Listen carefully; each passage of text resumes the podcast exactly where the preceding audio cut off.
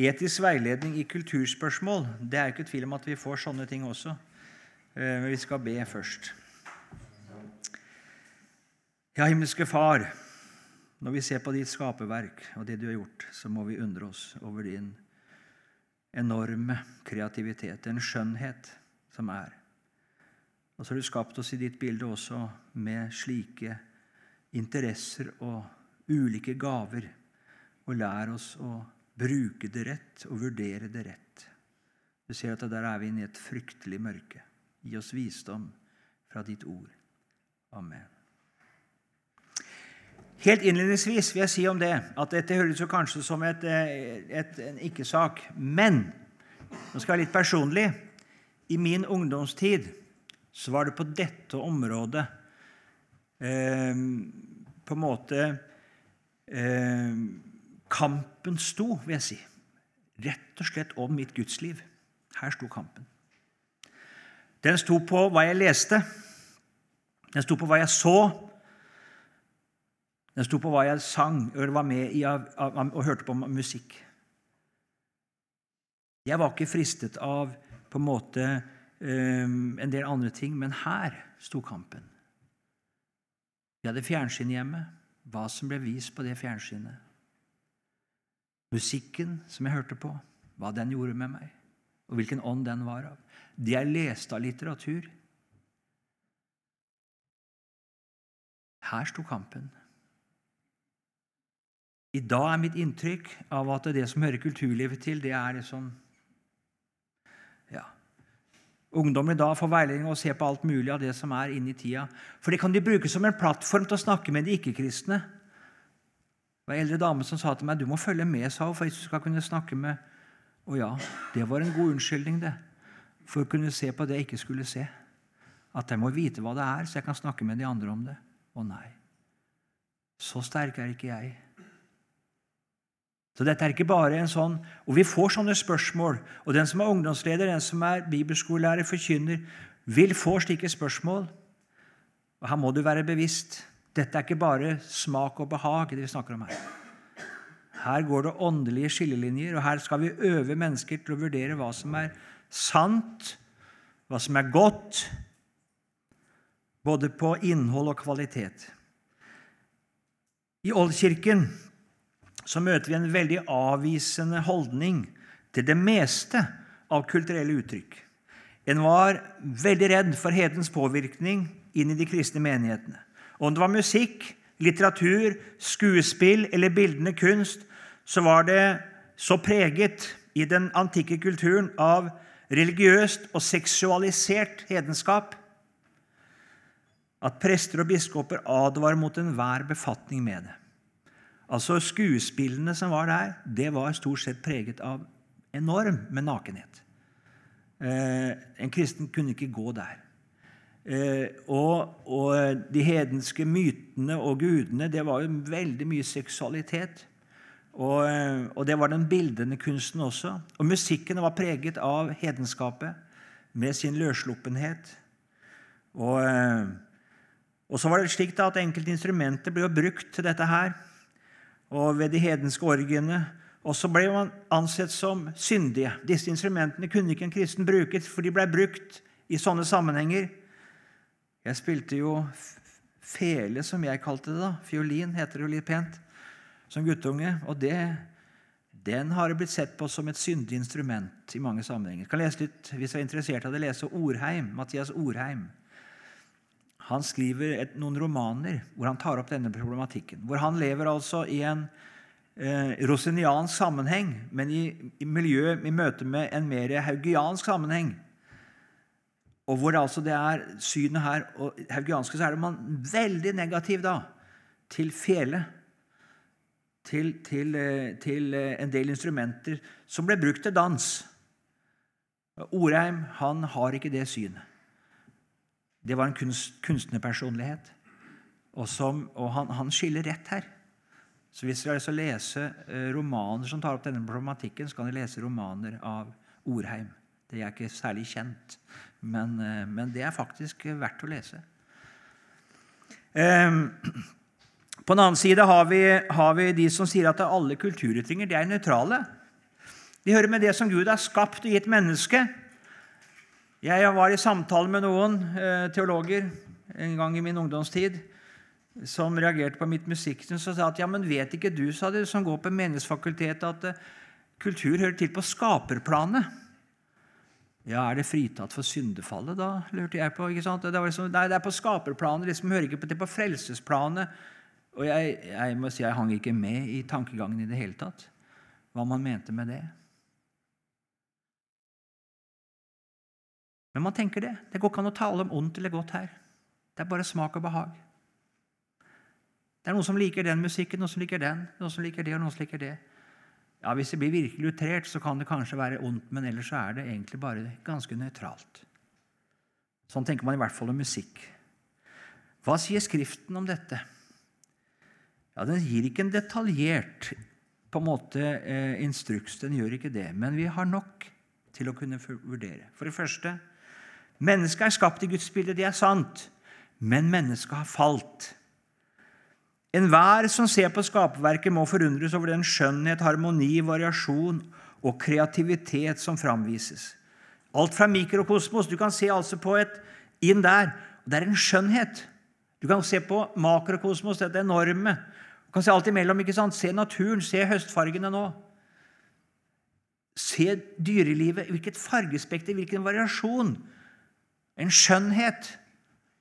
Ja, det er, det er så fantastisk at det er helt enestående. Mennesket er skapt med kreativitet, med kunstnerevne. Jeg har ikke mye av det. De som har sett meg tegne på tavla, de må jo bare gremmes. Men, men det er ulik, og ulike områder så har vi det. Og når mennesker lager musikk og gleder seg av musikk, når de skriver litteratur og gleder seg av litteratur, når de maler bilder og liker å se på bilder, så er det ikke i utgangspunktet noe annet enn et vitnesbyrd om at vi er skapt i Guds bilde.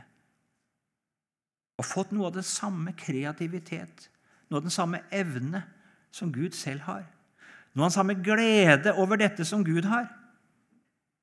Gud så at det var godt, ikke sant? Han gledes over det. Jeg tror det. Jeg har aldri sjelden gjort det med mine tegninger, men det er noe jeg har gjort som jeg har tenkt, ja, det der synes jeg ikke var, og gleder meg over det. Jeg har stått og dirigert et kor en gang. Og, oi! Nei, så, altså En glede seg over at, så, den skjønnheten en, en, en, fikk oppleve og fikk få lov til å være med på. Husker Jeg vi sang en gang i et kor, og det var så god akustikk. Og sanger vi aldri hadde fått til, de sang vi altså med en kraft og med en skjønnhet som Jeg tror hele koret det var en fryd. Ja, Det var musikalsk, var på det planet. Det var det. Eh, det var ikke en åndelig opplevelse, for det har med teksten å gjøre. Det var, det, det var gode sanger og gode kristne sanger, altså, men her var det også en rent musikalsk en glede og en fryd over den skjønnhet som var.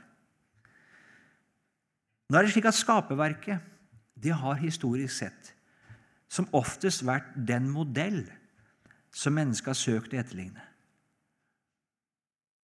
Hvorfor det? Jo, for det er skjønt. Om det er med musikk, om det er bildende kunst, så er det vært skaperverket.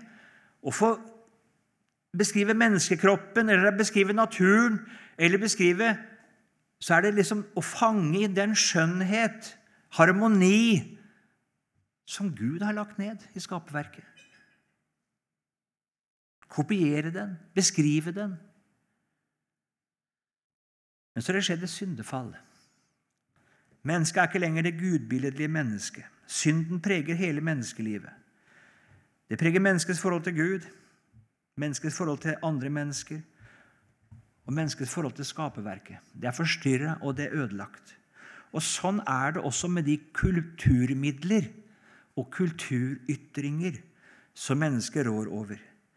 Mennesket har ikke mista den kreative evne ikke mista evnen til kulturelle ytringer og glede over å bruke det.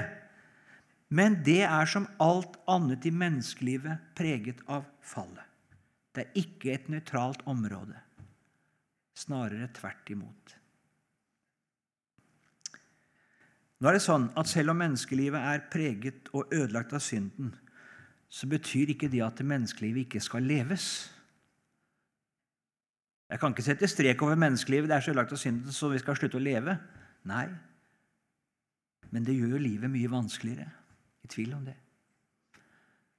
Og livet kan nå bare leves sant, som jeg har sagt, i tro på Jesus, i syndenes forlatelse, i kamp mot synden og kjødet. Selv om kjønnslivet for mange kun har blitt seksualitet i mer eller mindre pervers form, så betyr ikke det at ikke en skal og kan leve sammen i ekteskap i hellighet og renhet. Jeg har lyst til å si Det Det har vært en tendens, også i kristne kretser opp gjennom historien, at fordi det er så mye perversitet og så mye urenhet knytta til seksuallivet, så var det best om en kristen ikke levde i ekteskap, eller i hvert fall hadde minst mulig seksualliv, for det, det er noe skittent. Nei, det er gitt av Gud. Det er en Guds god ordning. Det kan leves hellig og rent. Det er ikke noe skittent ved det når det leves innenfor de rammer som Gud har gitt. Og Sånn er det også med det kulturelle. Det er slik altså at det, det kan være sant og godt og rett, selv om vi på mange områder må si det. Det er aldeles forferdelig. Det er så skittent, det er så ødelagt, det er så pervertert. Men det hemmer ikke den rette bruk. Om det er av et instrument om det er av en, er av en kunstform Og jeg vil si det her at selv verslige mennesker kan leve godt og rett i ekteskapet med et rent seksualliv. De kan det. Da snakker vi ikke om tankeliv, altså urenheten, den vil være der, men altså likevel kan legge tro mot sin ektefelle. De kan det. Og få eie de velsignelser over ekteskapet og hjemmet som, som en troende får, selv om de ikke lever med Gud. Og Sånn er det på alle livets områder. Mennesker som ikke lever med Gud, kan fordi lovens gjerning er skrevet i deres hjerter, leve i samsvar med Guds skaperordninger i det ytre. Et verdslig menneske behøver ikke være en kjeltring eller horebukk. Han trenger ikke det. Det er på ingen måte alle som er det. Og det er noen som virkelig forstår verdien av et godt ekteskap, også blant ikke-kristne mennesker. Og som lever i samsvar med Guds skaperordninger i det ytre. Det er det. Og det gjelder i alle livets forhold. Merk det. Derfor kan vi møte altså i kulturer, hedenske kulturer, en respekt for foreldre, en respekt for ekteskapet. En respekt altså eh, på en måte ting som vi må si at ja, dette her, dette er fint, dette er godt, menneskelig, sant og rett. Og likevel så er menneskene i denne kulturen uten Gud og uten håp i denne verden. Det mennesket som akter på den gjerning loven krever, som anser den som god og rett, han vil kunne utforske menneskelivet og skaperverket med denne loven i hans indre som indre kompass og rettesnor. Han kan forstå og ytre mye om menneskelivet som er sant og rett. Det betyr jo det at det kan finnes psykologer og leger som kan si veldig mye sant og rett om mennesket, om menneskekroppen, hvordan den fungerer, om sinnet, hvordan det fungerer. De er ikke kristne. Men de har en vurderingsnorm i deres indre. Lovens gjerning er skrevet der, og det er tro imot den.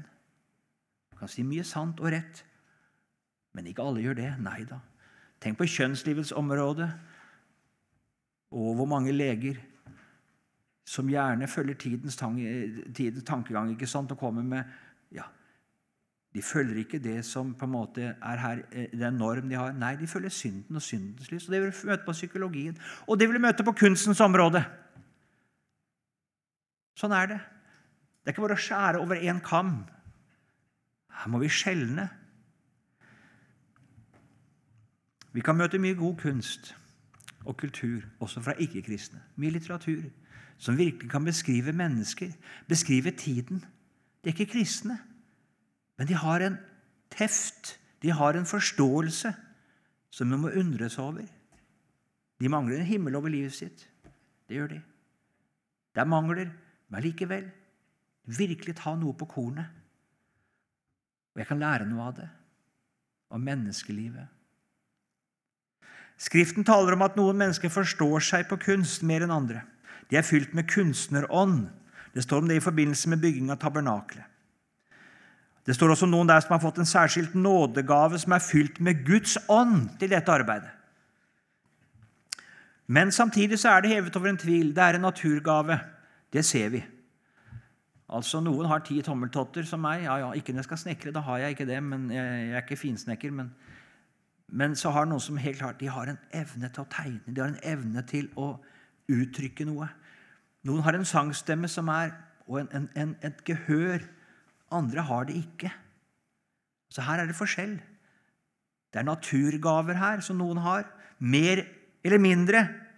I forskjellige retninger.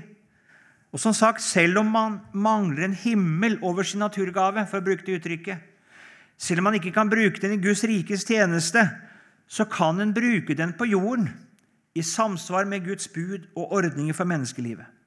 En kan ha en evne til å forstå mennesket, forstå menneskelivet, skildre det i ord eller i bilder, i musikk eller på andre måter. Og man har som mål å gi innsikt man har som mål å hjelpe andre. Man har som mål på en måte å, å bidra så langt man kan innenfor den livssituasjonen man er i, uten Gud og uten håp i denne verden. Og likevel det er lovens gjerning skrevet i sitt hjerte. La oss ta et lite eksempel. Det er noen som har en gave til å bruke hendene sine, til å være tømrer. da. Det er litt lettere å snakke om det for meg enn å snakke om tegning. Og, og det kan gjelde kristne og ikke-kristne. Og så fremt den ikke-kristne ikke vanskjøtter evnene sine. Men han bruker de, interessen sin. Han leser, han studerer, han øver seg. Han er opptatt av rette materialer og bruke de rett. Og setter sin ære og gjør et godt arbeid. Så kan han lage et byggverk. Det kan være en snekker. ikke sant? Lager et flott hus. Han har brukt rette materialer. Han, har, han, har, han, vet hvordan det skal gjøres, og, det, og han kan gjøre det pent. Han kan gjøre det solid. Han kan gjøre det økonomisk. Like godt som en kristen tømrer. Altså, en ikke-kristen kan det. Det er mange solide, dyktige, ærlige, flinke, ikke-kristne tømrere. Ja da, der er du ærlig også. Men altså, en kristen tømrer er ikke nødvendigvis flinkere. Forståelsen av håndverket, den tekniske, den estetiske innsikt og evne kan være like god hos en ikke-kristen. Jeg tror alle er enige om det. Men som alt i menneskelivet så kan en, kan en med kunstnergave også misbruke gaven, misbruke evnen og bruke den til selvhevdelse og egoisme. En bruker den, ikke sant? Ja, Om ikke annet så kan en bruke det bare for at man vil ha et godt navn. Man vil på en måte fremme sin egen, sin egen måte ambisjon om å være noe og bli noe tjene masse penger. Ikke sant? Man kan gjøre det på, Jeg har vært i Moldova og sett der at det der ingeniørene de kunne sikkert sin ingeniørkunst, men de juksa med materialene. Det var store planer, og så bare var de lydige, og så gjorde de det. Og brydde seg ikke om resultatet. Så når glasnost og perestrojka kom, og det ble slutt, og Sovjetunionen gikk oppløsning, så bare forlot man det. Jeg snakket med ingeniør. Nei, det er ikke noe vits i å bygge videre på den der. sånn. Det er Han visste det. Den er grunnleggende mangler som er gjort her i grunnarbeider og i materialbruk. Det er bare å bygge på nytt og man lar seg bruke til det. Vi har mange sånne eksempler. For å tjene litt penger. Ja. Man har kunnskapen, man har evnen, men det er synd, egoisme, selvhevdelse som preger det man gjør, så fusker man i faget. Så svikter kvaliteten. Eller en kan bygge veldig solid og godt, håndverksmessig utmerket, Men det man gjør, det er et opprør mot Gud, sånn som Babels tårn. Det var sikkert fantastisk. Eller et annet avgudstempel. Fantastisk byggverk. Men det har en ånd i seg som er et opprør mot Gud. Det ånder av selvhevdelse og gudsopprør, ikke tro og gudsfrykt. Sånn er det med enhver kunstytring. Derfor må enhver kulturytring prøves på sitt innhold og på hva den fremmer. For øvrig, brødre, alt som er sant, alt som er ære verd, alt som er rettferdig, alt som er rent, alt som er verd å elske, alt som folk taler vel om, alt som duger og er ros verd, gi akt på det. Hvordan kan vi da skille mellom det rene og det urene, det sanne og det falske, det gode og det onde i kulturen? Jeg skal her i denne sammenheng konsentrere meg om litteratur og film. Musikk har jeg snakka om i andre sammenhenger, så det, det går jeg forbi nå. Hva er kriteriene for å vurdere et kulturuttrykk? Jeg tror vi kan veldig grovt dele de to. Det er to kriterier. Vi må vurdere det på ånden i det, retningen i selve åndsretningen, selve innholdet, også kvaliteten. Begge, begge deler. Åndsretningen er det viktigste kriteriet. Hva er åndsretningen? Formidler den sannhet? Fremmer den det, som er rettferdig, det som er rent, det som er verd å elske? Altså jeg sa Det det finnes ikke-kristne psykologer og psykiatere som kan gi en sunn og sann beskrivelse av mennesket og menneskelivet. Og På samme måte finnes det ikke-kristne forfattere og filmskapere som har en innsikt i det mellommenneskelige liv, som har en forståelse av samfunnet og hva som preger samfunnet, og som på en måte kan ta pulsen på tida. De har på en måte en, en evne her til å analysere, til å forstå og beskrive det. Beskrive mennesket med dets følelser og lengsler, dets arbeid og strev, på en sann og god måte. Og Det kan være en beskrivelse av et menneske som er på vei utfor. Det kan være beskrivelse av et menneske som lever et sant og godt liv og kjemper for det som er rett og godt. Det kan være beskrivelse, ja, det kan være så, på mange måter, men som kan gi innsikt kan vi beskrives av et sykt menneske. De ønsker å vise det. De ønsker å gi innsikt. De ønsker å formidle noe for å opplyse, for å hjelpe, for å si ifra om noe som er galt. Og de setter sin ære i å gjøre et godt håndverk. Være så sanne, så rene, så oppriktige som mulig. Selv om ikke de har noen himmel over seg, selv om ikke det er tale om troende mennesker, selv om ikke det er et vitnesbyrd om Jesus i det som de skriver og lager, så formidler de noe sant. Noe sant om mennesket, noe sant om menneskelivet, så langt de er i stand til det. En ikke-kristen psykolog og psykiater vil komme til kort i møte med døden, i møte med det åndelige. Der har han ingenting å gi. Han har bare noe for livet her, men så er det slutt. Men det han kan si om livet her, om sannheten i menneskelivet, hva som er godt for mennesket rent menneskelig, å forstå menneskelivet, der kan jeg gjerne høre på han, men han har intet svar i møte med døden. Det har han ikke. Sånn er også, jeg vil også si det, Til en viss grad kan også ikke-kristne forfattere forstå at en sann tro og gudsfrykt hører med i et sant menneskeliv. At det er godt for mennesket. Men de kan bare tale om det som en utenforstående. De kan ikke gjøre det fra innsiden. Ta et eksempel der. En norsk bok, 'Mennesket og makten' av Olav Duun.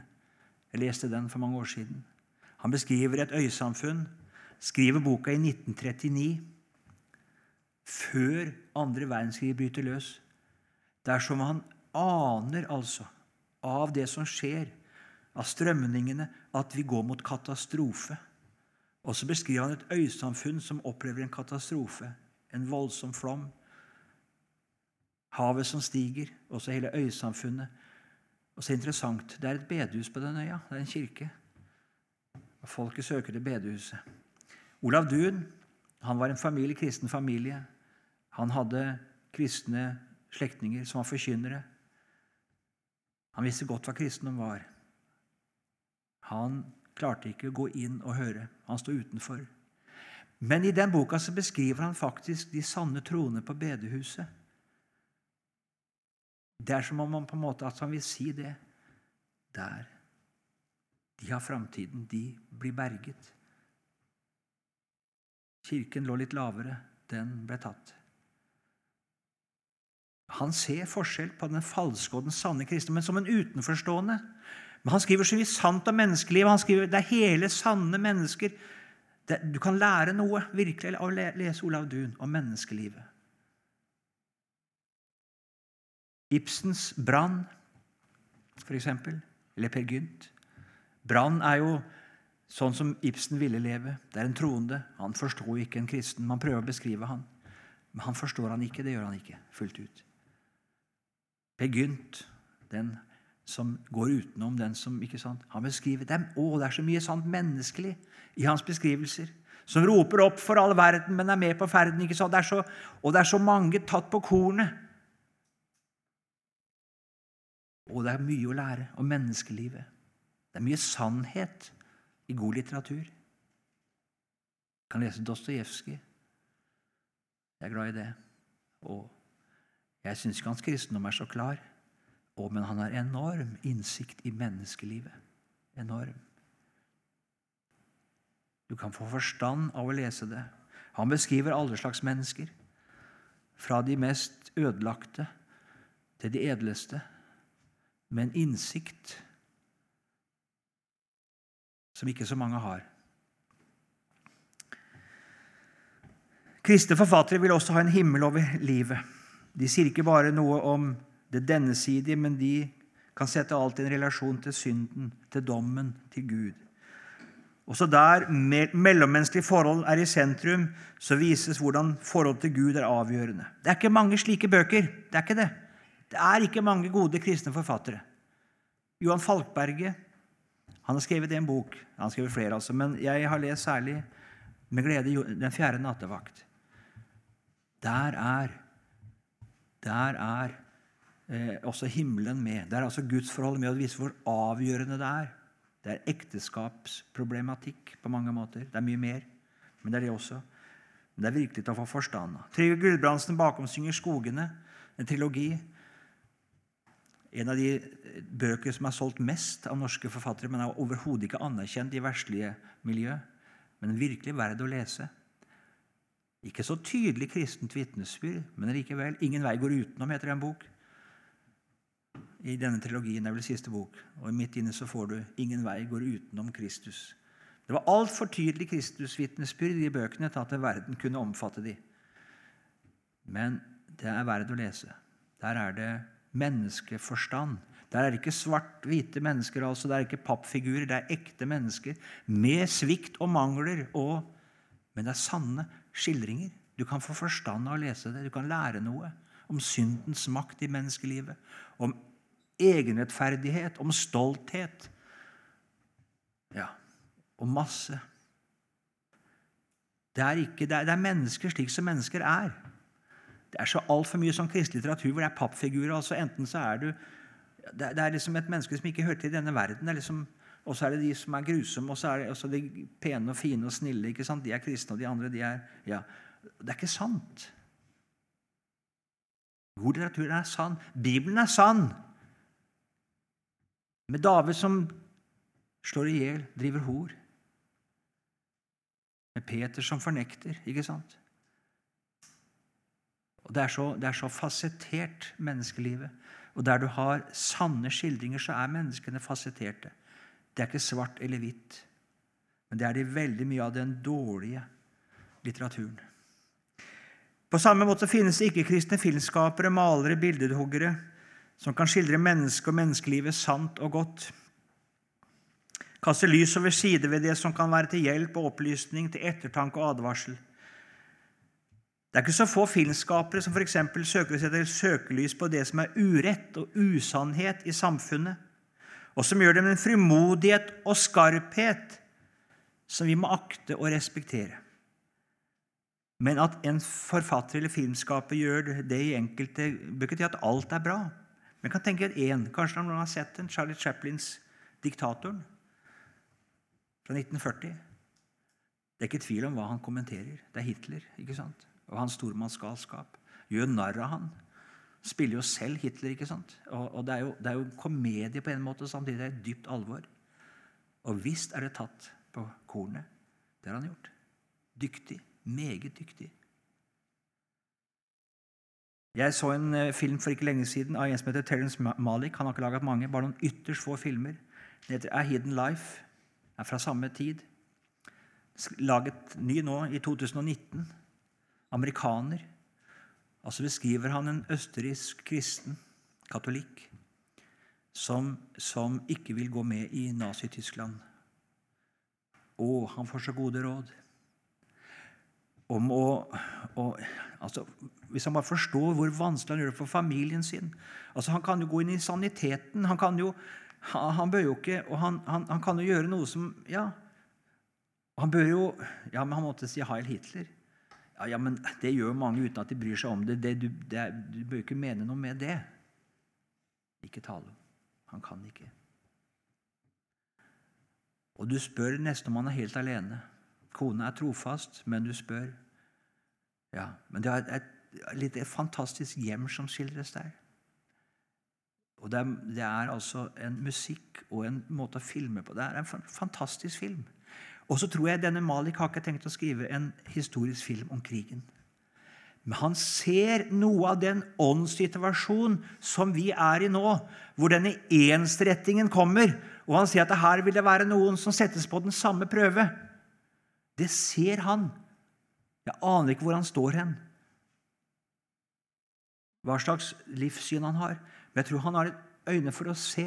Vi går mot den samme tankegang i samfunnet. Og her er noen som kommer til å få så mange gode råd. Og du må ja, det er ikke så, Du kan jo finne en måte å løse det på. Og så holder han fram én som ikke gjør det. Som ender altså med å bli tatt av dage for sin tro. Men jeg tror han vil si noe om vår tid, denne filmskaperen. Og Her kan du virkelig se noe altså som du kan til ettertanke. Jeg tror våre ungdommer gjerne skal se den for å øves og tenke gjennom hva de kommer til å møte i sin studietid. Og de kommer til å bli satt på valg som Daniel og bøye seg for gullstatuen. Eller for Daniels venner. Og vi trenger altså på en måte også øh, og, og eh, innstille oss på det. Eh, ja, En annen film, 'A Beautiful Mind', eh, nevnte den i går, om John Nash. Det er jo en, mer en, en sann beretning. Men hvis du vil ha innsikt i psykisk lidelse altså det som den gjør, den gir en innsikt i psykisk lidelse, i schizofreni, i et sykt sinn. Det kan lære mye om å møte en fantastisk skildring av det ekteskapet der. Og den kona, Du sitter igjen altså med tårer i øynene over den kona. Hva hun, hva hun bar, og hva hun gjennomlevde, hvor trofast hun var mot sin ektemann, som var så syk. Jeg tror mange hadde sagt farvel og gått. Hun gjør ikke det. Og hun som berger han. Og så viktig det er hvordan vi omgås de som har det vanskelig, og som har et sykt sinn. Det er virkelig til å jeg vil anbefale å se den med en oversettelse. Jeg klarer ikke å følge med på engelsken. Så jeg vil velge et sted du kan få sett den med norsk tekst eller svensk. Ja. Det finnes jeg kunne nevnt mange flere, mange dyktige forfattere og filmskapere. Mennesker som virkelig vet å bruke sine evner og anlegg. Men som bruker det til det som er ondt. Nå har jeg nevnt noen som bruker det til noe godt, og det fins mange av disse òg. Men det er mange som gjør det med for å bryte ned og det er så mange filmer i dag som skal vise som skal legitimere homofili, transseksualitet Det kommer til å komme masse sånne som er laget med en sånn og finesse. Hvorav på en måte det, det, blir, det blir altså på en måte noe som oppleves som det eneste rette. Bildet er en veldig farlig medium for å få deg til å slutte å reflektere. Det er så selektivt. Og ord og alt som gjør, alt som skjer, så gjør det ikke at du får medfølelse, sympati. Jeg husker som liten um, så var det en westernfilm som gikk på TV. Så sitter lillebroren min, og så sier han det som alle tenkte. Skyt den, da! Og jeg skvatt til. Altså Her sitter vi og ønsker uten lov og dom. Skyt den! Bli kvitt han der. der. Ingen refleksjon. Jeg så ikke Mesteren-film etter den. Da tenkte jeg nei, dette er farlig. Jeg reflekterer ikke. Du fanges inn av filmskaperens moralunivers, tankegang. Uten at du merker det, så er det på en måte en sånn svart-hvitt Her var det svart-hvitt, altså. De stygge og de gode. Og, og, de gode de måtte jo bare skyte han der, derfor han var så stygg. Så det var det bare ja. Det er farlig. Ja, for litteraturens område, bare nevne det, så har vi mange, mange sånne bøker. Vi har ei som heter Torbjørn Nedreås i Norge. 'Av månesjon gror det ingenting'. Kvinnesakskvinne. Fremmer det ikke sant, gjennom sin eh, litteratur. Agna Mykle, 'Sangen om den røde rubin'. Pornografi i litteraturform. Monty Python, 'Life of Brian'. ikke sant, Harselas over Jesu død. Altså, Mye av dette er lyst til å si det, mye av dette er sikkert kvalitetsmessig håndverk. Men innholdet er fordervende. Altså. Og Her er mange som ikke skiller, fordi det er kvalitetsmessig. Liksom det, dette er dyktige. Ja, men en dyktig kan bruke sin dyktighet til det fullstendig nedrivende. Det er det farligste. lyst til å si. Det farligste er det som er gjort av de dyktige. Jeg husker jeg hørte på et kor en gang. Jeg ble spurt jeg skulle holde en andakt for et kristelig kor, og det var helt grusomt. Forferdelig. Og dirigenten skulle vite hva jeg syntes om det. Nei, sier jeg. Men Jeg skal ikke fortelle en historie, men jeg tenkte når jeg kjørte hjem ja, ja, De synger så dårlig, og det er så falskt at det gjør vel ikke så stor skade. Men hadde de vært dyktige, vært mye farligere. Mye farligere. For ånden i den musikken var helt grusom. Men det var så dårlig at det, det var kanskje ikke så farlig. Ja. Kvaliteten jeg har ikke så mange, Det er andre kriterier. Jeg har ikke så mange navn og titler på gode kristne kulturpersonligheter innen litteratur og film. Jeg vil si litt om det. Nå bruker jeg tida mi igjen, så jeg rekker ikke manus her. Men bare si litt om det. Jeg har lagt merke til det i, i starten på Bibelen vår. I Sett sin slekt det står ikke om eneste som lager instrumenter, det står ikke om eneste som bygger en by, som, gjør, som ikke lager, begynner med håndverk. Men det skjer i Kains slekt. Hvorfor det? For de lever for denne verden. I Seth sin slekt der levde de for himmelen. Abraham bodde i telt. Det var ikke mye innovasjon der. Han er himmelen. Slik at eh, I den kristne på en måte, verden så er man opptatt, og opptatt av at mennesker skal bli frelst. Så en kristen som har evne, han kan kanskje skrive salmer. Han vil kanskje han vil bli forkynner, den som har på en måte Men den verslige, han vil skrive litteratur, han vil lage film. Jeg tror det er noe av svaret. Det er slik altså at eh, den kristne, han har, han har et, Det er noe annet som prioriteres foran. Han kan ha interesse for dette området, men han blir ikke musiker. Han blir ikke eh, blir ikke forfatter på samme måte. For han har først og fremst et åndelig sikte, og da vet han veldig fort jeg når ikke noe. Jeg, blir, ja, jeg kan ikke leve av det likevel. Jeg tror det er noe av svaret. Eh, men det finnes unntak. Jeg vet ikke mange kristne filmskapere da. Men jeg vil si det Nå er det slik, som sagt, om det har Falkberget eller om det har Gulbrandsen eller andre som er kristne forfattere, kan, kan nevne Løvgren. De blir, får aldri en stor Det er få. John Bunyan fikk det. Står i en særstilling eh, og ble lest av mange. Men ellers har kristne på en måte forfattere lite blitt spredt, for de har gjerne blitt slaktet i verslige fora. For kristendomsblod det tåler man ikke i de sammenhengene. Men så skal det også sies den verslige kritikken har ofte mye rett i sin anklage mot kristen litteratur og kristen film. Den har det. For mye av det er rett og slett dårlig.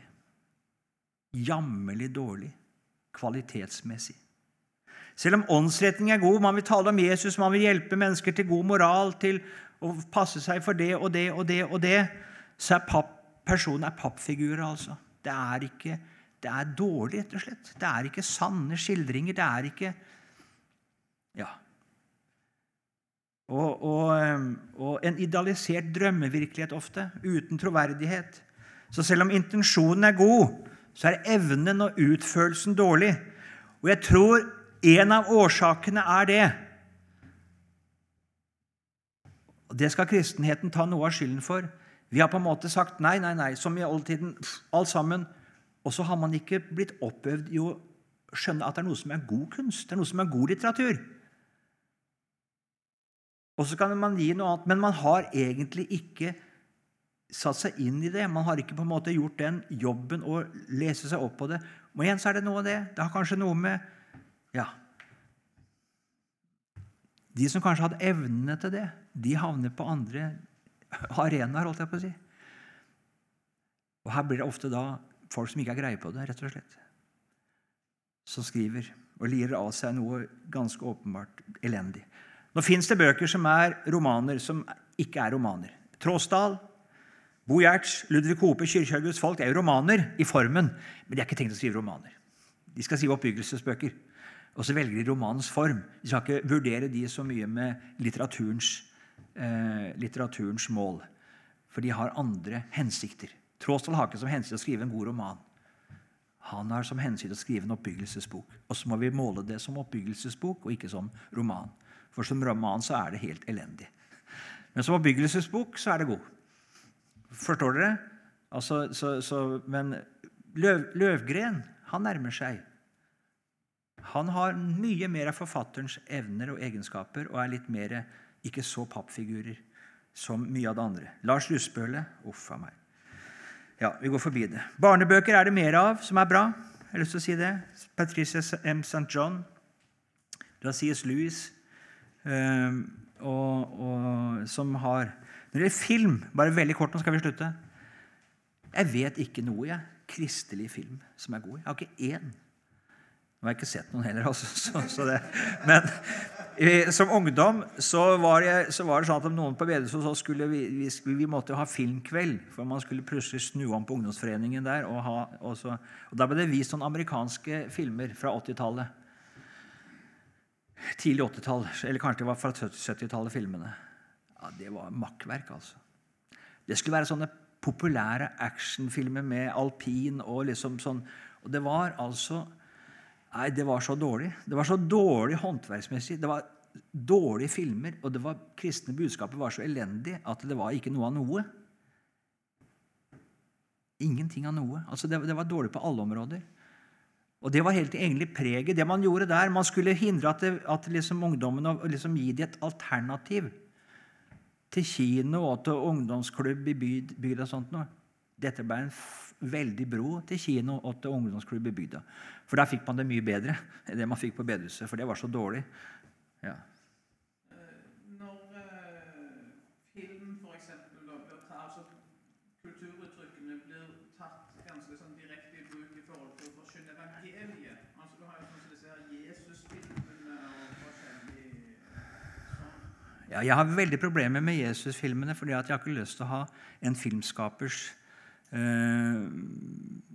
forståelse av Jesus på netthinna. Bildet fanger så. Og så leser jeg Bibelen, så jeg, jeg unngår Jeg har aldri sett en Jesus-film. Jeg vil altså at bibelordet Det er så vanskelig. Hva heter han der amerikaneren som har laga en sånn Jesusfilm, da? Han øh, med, Ja. Nei. Jeg vil ikke se den. Han er katolikk, sies det, men eh, nei. Jeg skal bare slutte. Jeg må ta med det til slutt. Det fins så mye også som bruker altså innenfor filmverden bruker sine evner til å lage så mye søppel. Og det er så bevisst. Det er så, det er så altså, nedbrytende. Så full av seksualskildringer, av vold, av umoral, av legitimering av det ene og det andre og det tredje. Og og, og, det er så mye ren underholdning. Så, og da sier jeg at du har langt bedre ting å bruke tida på enn å se på sånt. Men det gjøres over en lav sko. Man skal ha en filmkveld, man skal sette oss ned, og så ser man et eller annet søppel. Kan vi ikke bruke tida på noe annet enn det? Det fins noe å se som er verdt å se hvis man absolutt skal ha en filmkveld. Enn til å ta en action eller en komedie eller en eller annen slags eh, eh, For det er nesten overalt her også så er det det er bare én ting. Det er penger man skal tjene. Og da vet man, da skal man spille på menneskets syndighet og begjær og lyst. Og Det er forferdelig at mennesker liker å se på vold, nakenhet og det som på en måte pirrer hele veien. Og det putter man inn overalt. Og så er det på en måte så nedbrytende. Det fins noe. Det, det, er ikke lett altså å finne, men det fins noe. Hvis man skal, skal, bruke å se en film sammen som kan ja, gi noe. Jeg har nevnt tre stykker her, men det fins flere. altså. Absolutt. Ja. Helt kort, Det er jo også noe med det at eh, veldig ofte også når det er uskyldig, så skildres det noe usant i det. Ja. Sånn at f.eks. kjærlighetsliv blir umulig å tenke seg eller oppnå Ja. for alle mennesker. For det er, det er skildra på en helt falsk måte. Ja. Så selv om det ikke nødvendigvis er urent, så, gir likevel en falsk idealisering av samliv, f.eks. Ja, eller for eksempel, altså bare ta det, eh, Mange av disse her som ikke skildrer seksualliv, så skildrer altså eksempel skilsmisse, og man går fra hverandre og man finner en ny en. og Det er jo selvfølgelig, for at hun der var jo helt håpløs. klart at eller ja, Motsatt av han også. Og så blir det slik Veldig mye av filmene har en slags legitimerende effekt på den måten å leve på som vi har. Fordi det blir det, liksom, det er akkurat som du ønsker åh, må komme ut av det forholdet der. også den, ja. Ja. Forfatter, ja. Alfred, ja. Han har skrevet kvalitetsmessig bra, samtidig som han også har et kristent menneskesyn. Han, han er på mange måter på, sånn som Ola Brun, altså han beskriver menneskene veldig sant. Ja. Samtidig, så det er nå en sånn Ja, stemmer. Det, jeg har jo lest Alfred Hauge. Det er ikke alltid jeg har skjønt der, men 'Septemberfrost' hvis jeg leste aller først, den er enklest. Og den er virkelig verdt å lese. Og så Ja. jeg også si det fins to sånn spesifikt kristne filmer som, eh, som kan være faktisk også bra. Det er den med Steingrunn. Og så er det, er det en laget en film av eh, Skjulestedet eh, som er veldig bra. Da. Ja. Så det finnes da. Erik.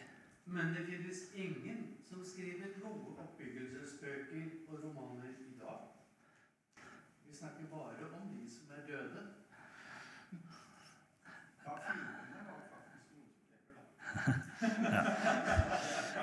Vi tar pause nå, så